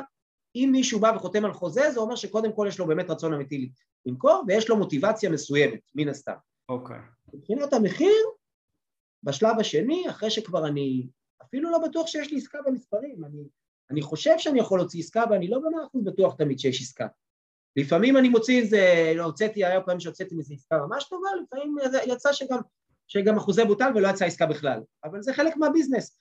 אבל לעשות משא ומתן ולבזבז זמן, ובסוף בכלל מישהו אחר לוקח לך, או שהוא בסוף בכלל לא חותם, קוראים לזה, קוראים לזה, קוראים לזה לבשל סטייק. כן, בדיוק, לבשל. אז אני מעדיף להתחיל אה, לבשל, ש... שהוא אחר כך מחפש אותי, לא אני מחפש אותו. ברגע שהוא חתם חוזה, הוא כבר מחפש אותי. הוא כבר אוקיי, מחפש אותי, הוא רוצה לדעת מה קורה. הוא כבר רוצה לדעת מה קורה עם העסקה, הוא כבר רוצה לדעת מתי הכסף בבנק. אוקיי, אז סגרת אותו ב-310, עכשיו אתה מדבר עם ה-H fund? בדיוק, סגרתי אותו ב-310, אני מדבר עם ה-hedge fund, הם אפילו בכלל לא, לא תחת חוזה, אני תחת חוזה. אני כבר תחת חוזה, הם ישר מתאמים inspection. ישר, שזה גם יתרון גדול, אני לא. אני לא חייב להם כלום, הם כבר מתאמים inspection, הכל על חשבונם, בדרך כלל לוקח להם שלושה ארבעה ימים, באו, עשו inspection, ה inspection יצא טוב, לא ביקשו ממני שום reduction, הרבה פעמים אחרי inspection הם מבקשים reduction. אמרו הבית במצב טוב, לא ביקשו ממני אגורה. אני באתי עם ה inspection, תמיד מצאתי, באתי אליו עם ה inspection. רגע, הם אומרים לך, הם נותנים לך את ה... אוקיי, הם לא רוצים... הם נתנו לי מחיר סופי. כמה המחיר שהם נתנו לך? 330. סבבה. עכשיו אתה 330, אין לך פה עלויות סגירה, אין לך כלום, אתה מעביר את החוזה ישירות אליהם. כן, בגדול אין לי עלויות סגירה, הם hedge fund מאוד מאוד מיוחדים, שמאוד מאוד... תדבר קרוב אחי, עוד פעם נעלם, אתה נעלם. הם hedge fund מאוד מאוד מוזרים, שהם, יש להם איזשהו קריטריון מאוד מאוד מוזר שלא שמעתי עליו, אבל הנה ככה הם עובדים. הם רוצים לראות את החוזה המקורי, אה, אלא אם כן, אלא, והם מוכנים הם מוכנים שה-wholesaler ירוויח 20 אלף דולר. אם ה-wholesaler יש לו יותר מ-20 אלף דולר, אתה חייב לעשות double closing, כי לא, אתה לא יכול להרוויח יותר מ-20 אלף דולר מהעסקה. אם הרווח של העסקה יותר מ-20 אלף דולר, אתה עושה double closing. אבל אתה לא צריך ב double closing להביא כסף, כי אתה משתמש בכסף שלהם בשביל לממן את העסקה, כן. אבל יש לך עלויות סגירה. אתה כן יורד לך, זה יורד לך מהרווח של העסקה, אבל אתה מתמחר את זה, זה עלויות שהן ידועות. כן. אתה מתמחר את זה בתוך. אז הנוסחה היא פשוטה. אם הרווח הוא מעל 25 אלף דולר, אז כבר שווה לעשות double closing. אם הרווח הוא 21, לא שווה. אני פשוט מפחית, נותן או ל-hedge fund, אני מפחית לה את העסקה, ואני עושה שזה יהיה 20 לצורך העניין. הבנתי. אז הם אמרו לך 330 ובעצם עשית 20 אלף דולר אה, רווח. אז כן, אחרי שהיה inspection אני באתי למוכר והצלחתי להוריד ממנו עוד איזה 5,000 דולר, ככה בשביל הקינוח, ובסופו של דבר עשיתי שם double closing כי הרווח שלי היה יותר. אז עשיתי שם double closing ותפרתי לו גם, הוא בעצם השכיר, זה גם היה קצת אה, מורכב, אבל הוא השכיר מהם, הוא שילם להם 2,500 דולר שכירות, גם אמרתי לו, אתה נשאר בנכס אבל אתה צריך לשלם שכירות בחודש שאתה נשאר. אז הוא בעצם שילם להם שכירות בחודש הזה. וככה תפרתי לו את העסקה, והוא היה בסדר גמור עם זה, לא היה בעיה, וככה נסגרה העסקה, וכולם הפי, ואחרי שאני סיימתי את העסקה ואני מתקשר, מתקשר אליו, הוא היה מרוצה, והוא הלך להשוויץ לכולם, ויש לו סוכנים שהוא מכיר, הנה עשיתי עסקה, לא האמנתם שאני אעשה אותה, קיבלתי את מה שרציתי, הכל הלך חלק, והנה עכשיו יש לי הרבה חברים שרוצים לעשות עסקה ואני שולח אותם אליך. אמרתי לו יופי, על הדרך אם אתה יכול לרשום לי גם ריוויו, הכל בסדר. בקיצור, כולם הפי ו... וזה סיפור, אה, סיפור אמיתי של עסקה שמסגרה חודש. איך מגיעים, איך מגיעים למוסדים האלה? איך אני עכשיו נגיד אני רוצה אז, להגיד? יש לי עסקאות, אני רוצה למכור. נכון, אז בכל מקום, עוד פעם, יש אזורים שהם לא עובדים בכלל, כן? אבל בוא נגיד, בכל, ה... בכל השווקים העיקריים הם עובדים. אם זה בפלורידה, אני יכול להגיד... הם עובדים בכל מקום, אחי. הם עובדים בכל מקום, לא, אבל יש, יש מקומות, גם בפלורידה שהם לא עובדים אצלם. אז אוקיי, אבל זה אני שואל אותם, איך אני מגיע אליהם? נכון, אז בכל, בכל, אה, בכל מקום שמוצאים רשימת קונים, המוסדיים האלה אי אפשר לפספס אותם. כי ברגע שאתה מוציא רשימת קונים, ב... אה, אז אתה בעצם רואה קונה שקונה המון נכסים. אתה רואה קונה שקונה המון נכסים, אני לא מדבר על חמש ואני לא מדבר על עשר, אני מדבר על עשרות ומאות. ברגע שאתה רואה קונים, שקונים ב volume כאלה, מן הסתם, זה hedge fund. מעולה, אז ראית, אז איך אתה מגיע אליהם? הנה, מצאת רשימת קונים, אתה מוציא את הרשימה הזאת, מאיפה מוציא את הרשימה הזאת? מ ListSource? אה, אני עובד עם PropStream, לא משנה, אפשר לראות, גם אוקיי, ב county אפשר לראות. יש מערכת שנקראת PropStream, עוד פעם, אנשים לא מכירים. כן, PropStream זה תוכנה, אבל אפשר להוציא את זה גם ב county, אתה הולך ל county, אתה יכול לבוא... אבל איפה הטלפון, איך אני מגיע לטלפון? PropStream כתוב בטלפון שלהם? לא, לא, לא, זה לא פשוט להגיע אליהם. זה לא פשוט להגיע אליהם. אני קודם כל, אני קודם אנחנו כל... רוצים את ה... אנחנו רוצים את הטיפים שהם לא פשוטים. אני, נכון. קודם כל, קודם כל, אה, גם מתוקף זה שגם עשיתי לא מעט עסקאות, ושמתי גם אה, עסקאות במרקט, אז באופן אוטומטי הם שולחים לך הצעות. אז במקרה הזה, זה הדרך שאני הגעתי אליהם. בסופו של יום, אה, ברגע שאתה גם פעיל בשוק, אז הם מגיעים אליך, כי ברגע שאני שם נכסים למכירה, אז בעצם הם מגיעים אליי. ושתיים, גם לפעמים יצא לי דרך אנשים שראיתי שהם גם uh, עשו את המסקאות, ואז, ואז איכשהו נחשפתי אליהם והצלחתי בסוף להגיע אליהם. גם כשאתה מגיע אליהם, לא קל תמיד לעשות איתם עסקה, כי אתה צריך, עד שאתה מבין איך להביא להם את העסקה, איך להגיש להם אותה, זה גם לא פשוט. אבל זה כבר עניין של... אבל אני יכול לבוא ואני לא יכול לשאול אותם עכשיו רשימת של... לשאול אותם מה הדברים לא, בסדר, אתה יכול, אתה יכול אה, לשאול, אבל לפעמים uh, התקשורת, עד שהם עונים ועד שהם עושים, וגם כשהם עונים לך תשובה, פתאום זה לא בדיוק ככה, ואתה כל פעם נתקל, וגם אני, שגם כשאמרתי, הנה, הגעתי כבר לאדג' שאמרתי שידעתי שהם קונים הרבה, הבאתי להם המון המון עסקאות עד שסגרתי את המסקה. זה לא מתאים להם מסיבה כזאת, זה לא מתאים להם מסיבה כזאת, זה לא איזשהו כרגע גם יש להם פרמטרים שהם קונים באזור מסוים, שלוש, שתיים, אז יש להם גם אה, לצורך העניין, הם לא קונים ב- ליד כביש אה, שהוא yellow line, שהוא double yellow line, שהוא כביש יחסית יותר ראשי, הם לא קונים בדבר כזה, ולפעמים יש עמוד חשמל, אז הם לא יקנו ליד עמוד חשמל כזה. לא תמיד אפשר לדעת בוודאות מראש, ולפעמים הם, אה, גם באזור שאני יודע שהם קונים באזור אורלנדו, לפעמים ה zip code הספציפי הזה, פתאום הם, הם לא קונים בו יותר. לכן יש המון המון דברים שהם הם, הם בעצם פרמטרים שעל פיהם הם כן קונים, אבל אין פה מאה אחוז. אז לכן אני אומר, וגם אתה צריך שיבוא לך הנכס הזה, על פי הקריטריונים, זה לא תמיד, אה, זה לא תמיד אה, בא לך, באים לך הנכסים האלה, זה עניין של לעבוד בווליום. אבל בגלל שאני עשיתי מין אה, שיווק ממוקד, גם בהתאם לקריטריונים שלהם, אז התחלתי ממש לזרוק להם המון נכסים, והתחלתי גם להכיר גם את הנפשות הפועלות, והתחלתי גם להיות זריז כי לא תמיד כשאני סוגר עסקה, יש לי את היכולת, יש לי את הזמן לעשות את האינספקשן ואת כל התהליך הזה. אז לכן אני אומר, וזה רק בעסקאות ישירות אתה יכול לעשות את זה בדרך כלל, כי בעסקה שהיא לא שלך, אין לך, אין לך את השליטה בה. אז אתה חייב שיהיה לך שליטה בעסקה בשביל לעבוד איתם. זה שיטה אחת. עם hedge fund שנגעתי שהם hedge fund שהם קצת יותר גמישים וקונים אה, נכסים שהם גם דורשים שיפוץ וגם, אה, וגם אה, בשנים של 1950, 1960, תלוי באזור. יש עוד אצ'מן לצורך העניין, שהם קונים במחירים גבוהים, והרבה פעמים, ויצא לי עכשיו לסגור איתם כמה עסקאות, שבעצם אני לא יכול להרשות לעצמי אה, לעשות אה, עסקה ישירה מול, ה, אה, מול המוכר, אני בעצם מקשר את ה-Edge Fund למוכר עצמו. כי המוכר לצורך העניין... תמלת הפניה? כן, לצורך העניין, זה בעצם עסקה שלפני שבכלל הכרתי אותם, זו עסקה שמבחינתי הולכת לפח, אין לי מה לעשות איתה. המוכר מבקש מחיר גבוה, המחיר הוא מחיר ריטל לכל דבר, 350 אלף דולר לצורך העניין, אני רואה שאין לי מה לעשות פה. אז אני עכשיו רואה שהנכס עונה על הקריטריונים, אני מציע, אני שולח את זה ל-H fund עם תמונות, שולח להם מין כזה שיט מסוים, הם נותנים לי מחיר על הנכס, לצורך העניין 380, ואז אני בא לקונה, אני אגיד לו, אני בא למוכר, אני אומר לו, יש לי, אה, יש לי לקוח שיכול להציע לך ככה וככה, לי העסקה הזאת לא מתאימה, אה, אני, אה, המספרים לא מסדרים לי, אבל יש לי הצעה פה על השולחן שלי, שאתה בעצם, אני יכול לתת לך את מה שאתה מבקש, שאתה תצא עם 350 ביד, לצורך העניין. אני אומר לו את זה כבר שיש לי רק הצעה ביד, אני לא אומר לו את זה לפני.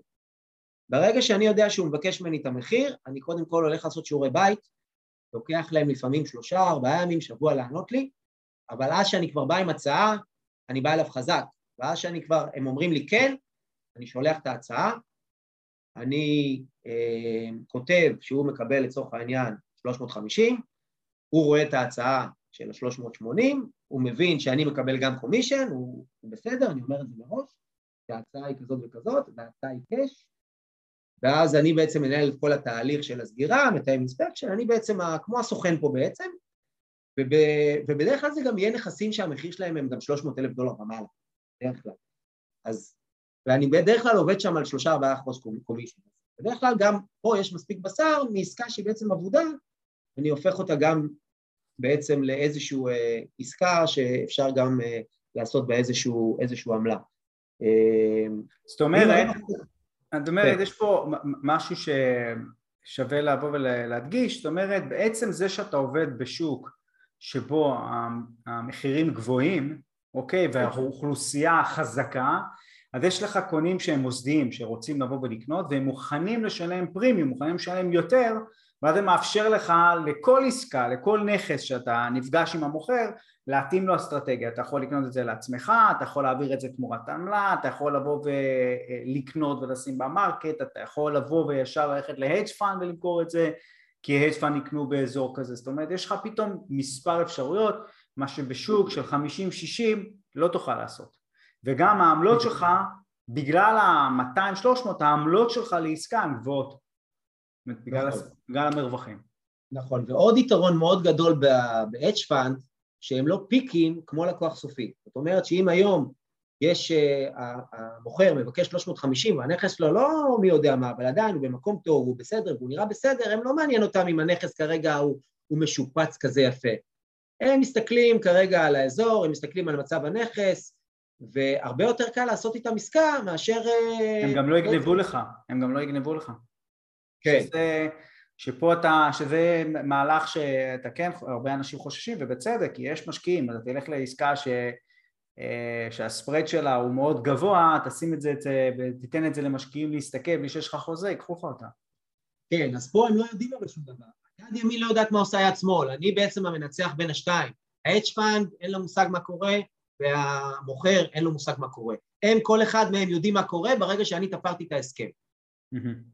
ברגע שתפרתי את ההסכם, וגם זה לא, הם לא מתעסקים בזה, אתה יודע, הם קונים כל כך הרבה נכסים. ויש מקרים מסוימים ב-H-Fund, למשל ב-H-Fund הזה, שפתאום בגלל שהם יודעים להציע מחיר כזה גבוה, אז ה margin יכול להיות מאוד גבוה. ואז אני בוחר שלא להציג למוכר את ה...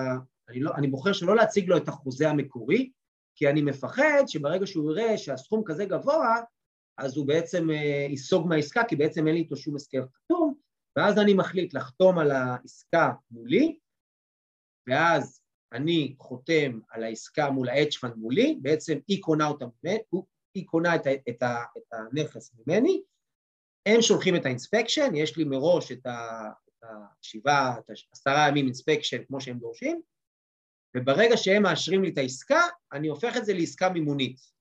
אני מחליט שיש לי margin מספיק טוב, אני סוגר על העסקה, אני לוקח איזשהו סיכון מסוים עליי, אחרי שהם כבר שמו non-refundable deposit, ואז אני בעצם נהנה מיותר margin, עם פחות סיכון לאבד את העסקה, אני לא, לא אוהב לקחת הימורים במקרים כאלה, אני מעדיף שאני אסגור על העסקה, ואז למכור את זה ל-hedge fund, ובעצם לעשות את זה בצורה יותר, יותר בטוחה ויותר חלקה מבחינתי.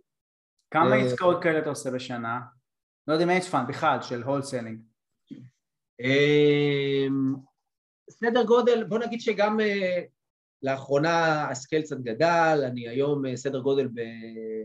סדר גודל של 6-7 עסקאות בחודש. מטורף. בחודשיים, כן. מאחל לך שזה רק יגדל. כן, אני לפעמים, לפעמים אני, אתה יודע, אני, אני, לא, אני לא מחפש את הגדילה המהירה, כי יש המון המון פרמטרים שצריך לשלוט עליהם, וצריך לעשות את זה חכם, ו...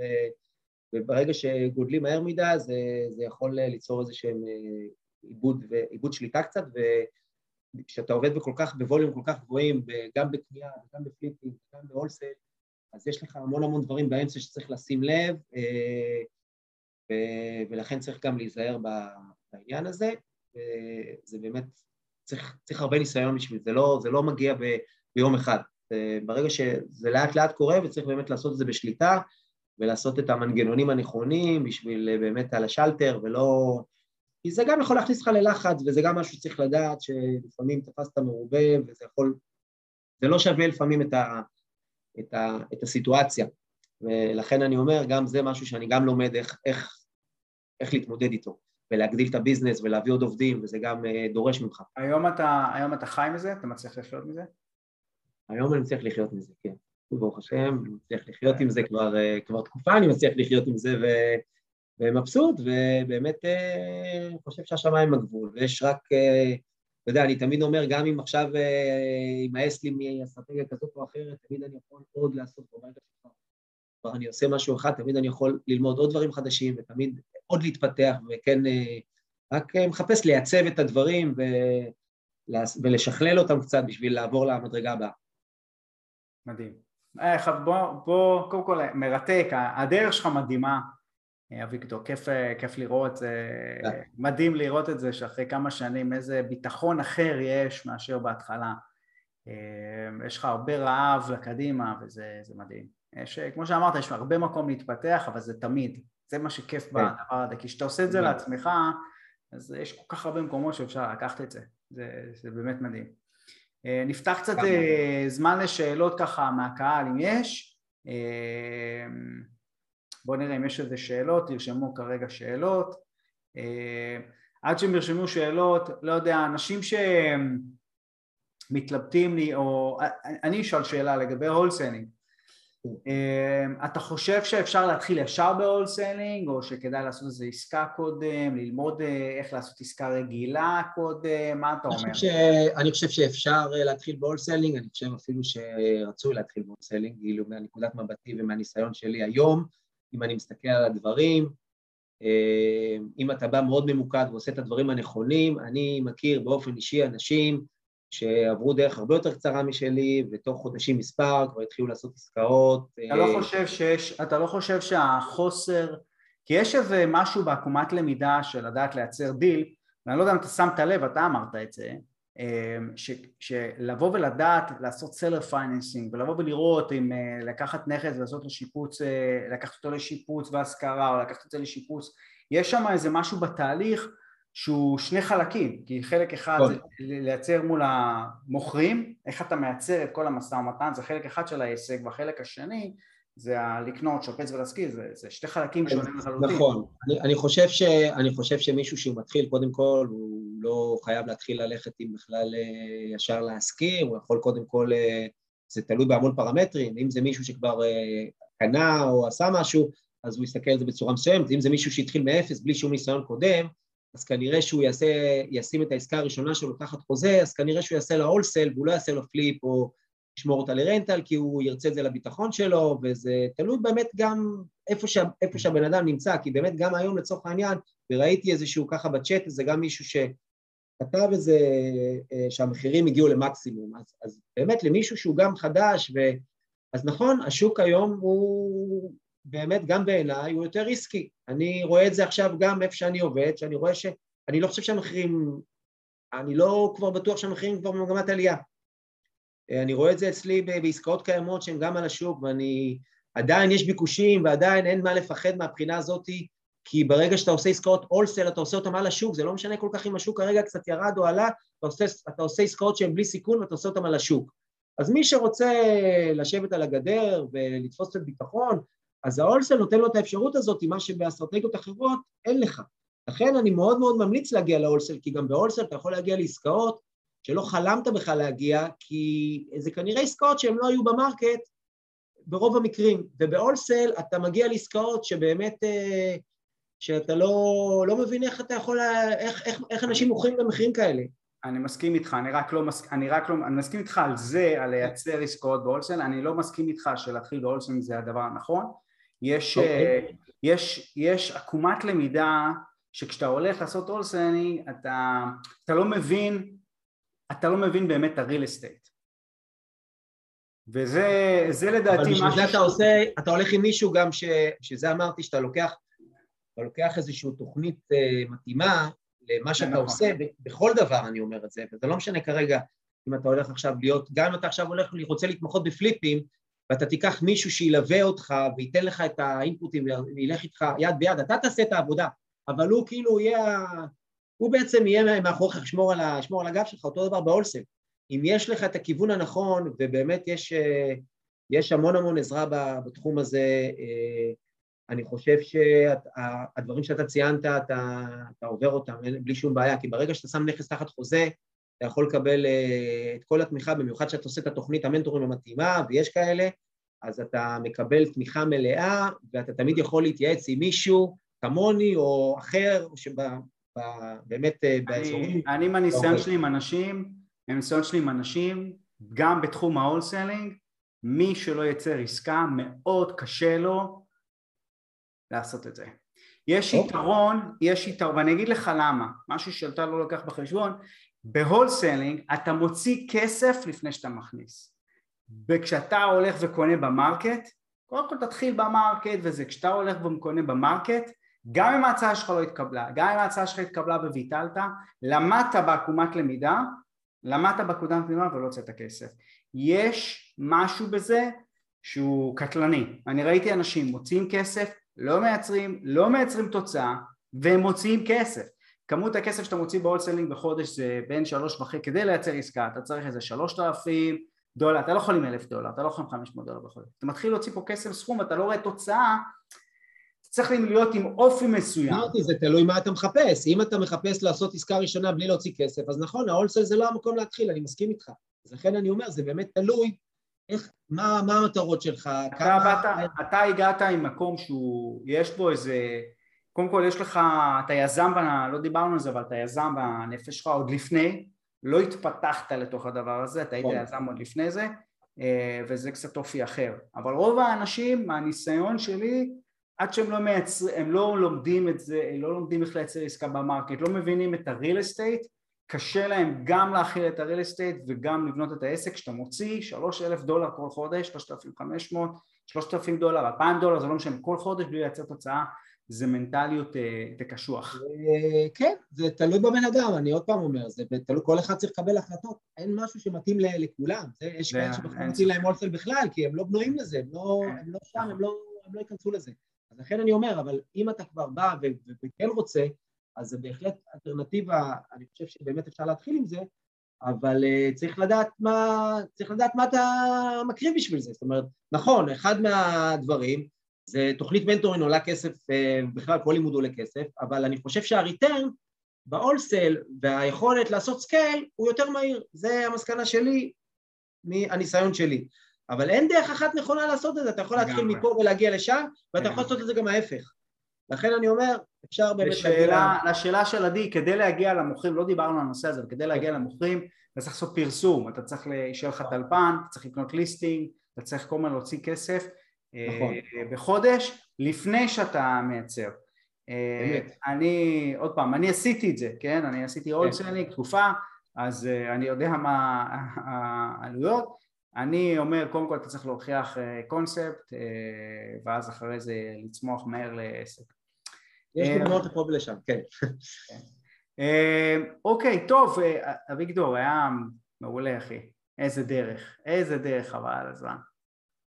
כמו שאני תמיד אומר, כשתהיה טייקון, אל תשכח אותי. אני, אני, רוצה, אני רוצה להגיד שגם בלי כל קשר באמת לדרך שעברתי, אני, אני רוצה להגיד שבאמת אה, גם, גם רפי ואני, וגם רפי עבר דרך בעיניי, כי אני באמת עוקב אחריו כל התקופה, כל הזמן אני רואה, ו, והאנרגיות, והאנרגיות שלך וגם ההשראה שבעצם אתה נותן והחיבור שאתה עושה, זה לא מובן מאליו, ו- ול- ולזה באמת מגיע, אני לא מכיר, אני לא מכיר אנשים, אני, הרבה אנשים, אני בכלל לא מכיר בכלל, ברמה שאתה, ברמה שאתה נותן, זאת אומרת, אני מכיר אנשים שזה, אבל באמת במה שאתה נותן לאורך זמן, בשנים שאני מכיר אותך, זה משהו שהוא מבחינתי, זה, ה, זה מבחינתי משהו שהוא לא יתואר במילים, לא יתואר במילים. זה, ה, זה הכבוד הכי גדול מבחינתי, להיות פה היום, וגם, אה, ולך יש חלק גם גדול בכל, ה, בכל, ה, בכל העניין הזה. תודה. כי, כי באמת החיבור הראשוני ומה שבאמת ראית בשידר זה משהו שנחרט בזיכרוני מההתחלה ועד היום אני לא יכול לשכוח את זה. וכל הדרך וכל התהליך וזה איך שזה גדל בצורה ש, שבאמת אה, אין בכלל, לא יתוארת, זאת אומרת שאני התחלתי איתך בכלל בקבוצת פייסבוק, אני לא יודע מה היה, אולי עשר, עשרים, לא יודע, לא היה כל כך קבוצת פייסבוק, היה משהו כאילו קבוצת פייסבוק, אבל לא באמת היה קבוצת, והיום לא יודע אפילו כמה ולאיפה זה גדל ולכמה... אז באמת מהבחינה הזאת חשוב לי, חשוב לי לציין שכל מי שגם גם נמצא בתוך תהליך או עדיין חושב להתחיל ובאמת רוצה להיעזר בכל מיני, בכל מיני אנשים, אני חושב ש, שרפי הוא מבחינתי, מה שהוא נותן זה, זה לא, אי אפשר לכמת את זה בכסף. אי אפשר לכמת את זה בכסף. משהו באמת, זה, זה משהו שאני מבחינתי לא אשכח לכל אורך הקריירה. תודה אחי, תודה, אני שמח. אני שמח שזה האימפקט שאני מצליח לעשות לאנשים ולעזור. אה, זה, זה, זה, זה, אתה יודע, זו החלטה של שליחות ואני רץ למרחקים ארוכים, אני לא רץ ל... גם. מי שעושה, מי שעושה ספרינטים לא מחזיק מעמד, מי שרץ למרחקים ארוכים, אני כן. פה. אני, פעם שאל אותי מישהו, תגיד לי תמיכה, אתה מקבל אה, אחרי הקורס? אמרתי לו, תקשיב, כל עוד אני חייב ונושם נדל"ן, אתה, אתה יכול כן. לפנות אליי. זה, כן. זה, כל עוד אני חייב ונושם נדל"ן, אני פה, אני, הכל פה. כן, האמת היא אבל שבכלל זה תחום שרואים אה, המון המון עזרה, ובאמת כל מי שמהבעיות הכי קטנות, כל דבר מקבל תמיכה, ובאמת מהקטע הזה, זה מאוד עוזר, זה מאוד עוזר, אבל באמת מישהו שרוצה באמת, אה, שנתקע בכל זה, לפעמים זה גם יכול מאוד מאוד, אתה יודע, מאוד מאוד לבלבל ולשמוע, ובסוף אתה רק מתעסק בלשמוע, אבל אתה, אתה שוכח את העשייה. ולכן כן צריך לבחור איזשהו דרך, להתמקד, זה אם אתה שואל אותי על טיפ, באמת לקחת תוכנית שאתה מאמין בה עם המלצות, עם אנשים שאתה באמת אה, גם סומך עליהם, אז אני חושב שזה המתכון באמת לבוא ולהתרומם. אני באמת חושב שזה יכול באמת לעזור, ו, וגם אם זה עולה כסף, זה, זה, זה בעצם לא, אתה בעצם חוסך כסף. וזה באמת הטיפ שאני יכול לתת לאנשים, שהם בעצם לא, לא כל כך אה, הצליחו לממש את זה, כי אני הייתי שם, אני הייתי שם והייתי שם תקופה די ארוכה, ו... ואף על פי שעשיתי פה ושם עסקה, זה, זה היה רחוק, מ... רחוק מאוד מאוד מאוד מאיפה שרציתי להיות, ו... ובסוף, אה, ובסוף זה קורה, ובסוף זה קורה, מי שמתמיד זה בסוף יקרה לכולם, אין לי, אין לי ספק בכלל. ישראל, אנחנו לא הבנו את השאלה, אתה צריך לשאול איזה שאלה. כמה זמן אתה בתחום בעצם? מ-2017? ב... אה, כן, אפשר להגיד שהתחלתי ככה לגשש, ובאמת אבל בתחום אני כן, מ-2018 אפשר להגיד שהתחלתי כבר באמת להזיז, אה, להתחיל באמת כבר אה, לעסוק בזה, אבל, אבל לקח לי הרבה זמן עד שבאמת כמו שציינתי את זה קודם, לקח לי, אני חושב שלקח לי באמת איזה שנתיים אה, לגרום לדברים אה, באמת אה, לעשות איזשהו scale מסוים. זאת אומרת, עשיתי עסקאות על הדרך, זה לא שלא עשיתי כלום, אבל, אבל זה לא, לא הספיק. כן. טוב, אביגדור, המון טוב. המון תודה, יקירי. יאללה. יאללה, יקירי, שיהיה, שיהיה, שיהיה בהצלחה, תודה רבה לכולם, אנחנו נתראה בפרק הבא. ביי, תודה. ביי, ויקטור, ביי. ביי.